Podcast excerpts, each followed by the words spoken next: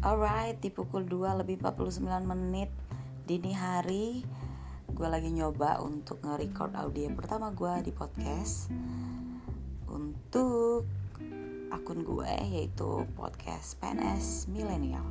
So sampai ketemu di bahasan-bahasan berikutnya yang lebih tertata Lebih berbobot yang akan ngebahas terkait lika-liku kehidupan PNS. So, sampai ketemu guys.